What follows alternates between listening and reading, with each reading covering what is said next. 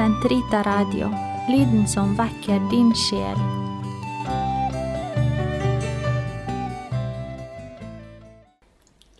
Den katolske kirkes katekisme, uke 21, tirsdag, paragraf 337 til 343. Den synlige verden. Det er Gud selv som har skapt den synlige verden i all dens rikdom, mangfold og orden. Skriften fremstiller skaperens verk symbolsk som en serie på seks guddommelige arbeidsdager som munner ut i hvilen på den syvende dag. Denne hellige tekst lærer sannheter om skapelsen som er åpenbart av Gud til vår frelse, og som gjør oss i stand til å erkjenne hele skapningens indre natur, verdi og bestemmelse til Guds pris. Det finnes intet som ikke skylder Gud skaperen sin eksistens. Verden begynte da Guds ord trakk den ut av intet. Alle eksisterende vesener, hele naturen, hele menneskehistorien har sine røtter i denne grunnleggende begivenhet.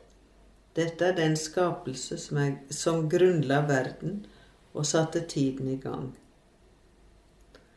Hver skapning er på sitt vis god og fullkommen. Om hvert av de verk som ble gjort på seks dager, sies det. Og Gud så at det var godt.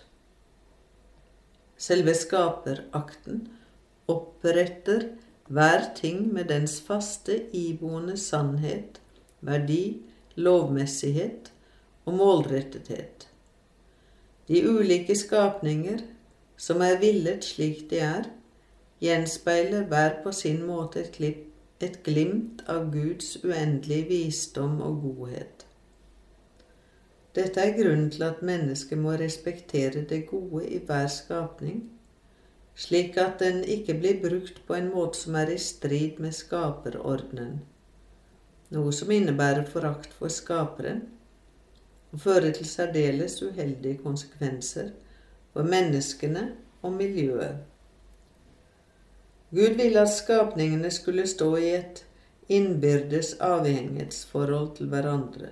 Sol og måne, sedertre og småblomst, ørn og spurv, så ulike og så mangfoldige de er, viser de at ingen skapning er seg selv nok. De eksisterer bare avhengig av hverandre. De utfyller og tjener hverandre.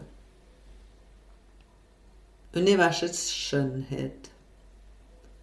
Den skapte verdens orden og harmoni er grunnet i skapningenes mangfoldighet og den måten de forholder seg til hverandre på. Litt etter litt oppdager mennesket dette som naturlover. Vitenskapsmenn faller i staver. Skaperverkets skjønnhet gjenspeiler skaperens uendelige skjønnhet. Den bør vekke ærefrykt og bringe mennesket til å underkaste sin forstand og sin vilje.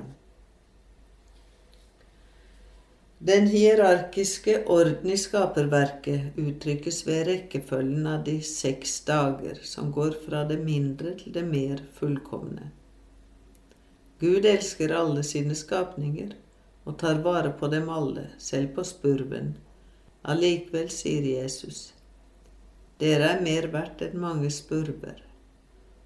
Og hva er vel en sau i forhold til et menneske? Matteus 12, 12. Mennesket er skaperverkets krone. Den inspirerte beretning uttrykker dette ved å sette et klart skille mellom menneskets skapelse og resten av skaperverket.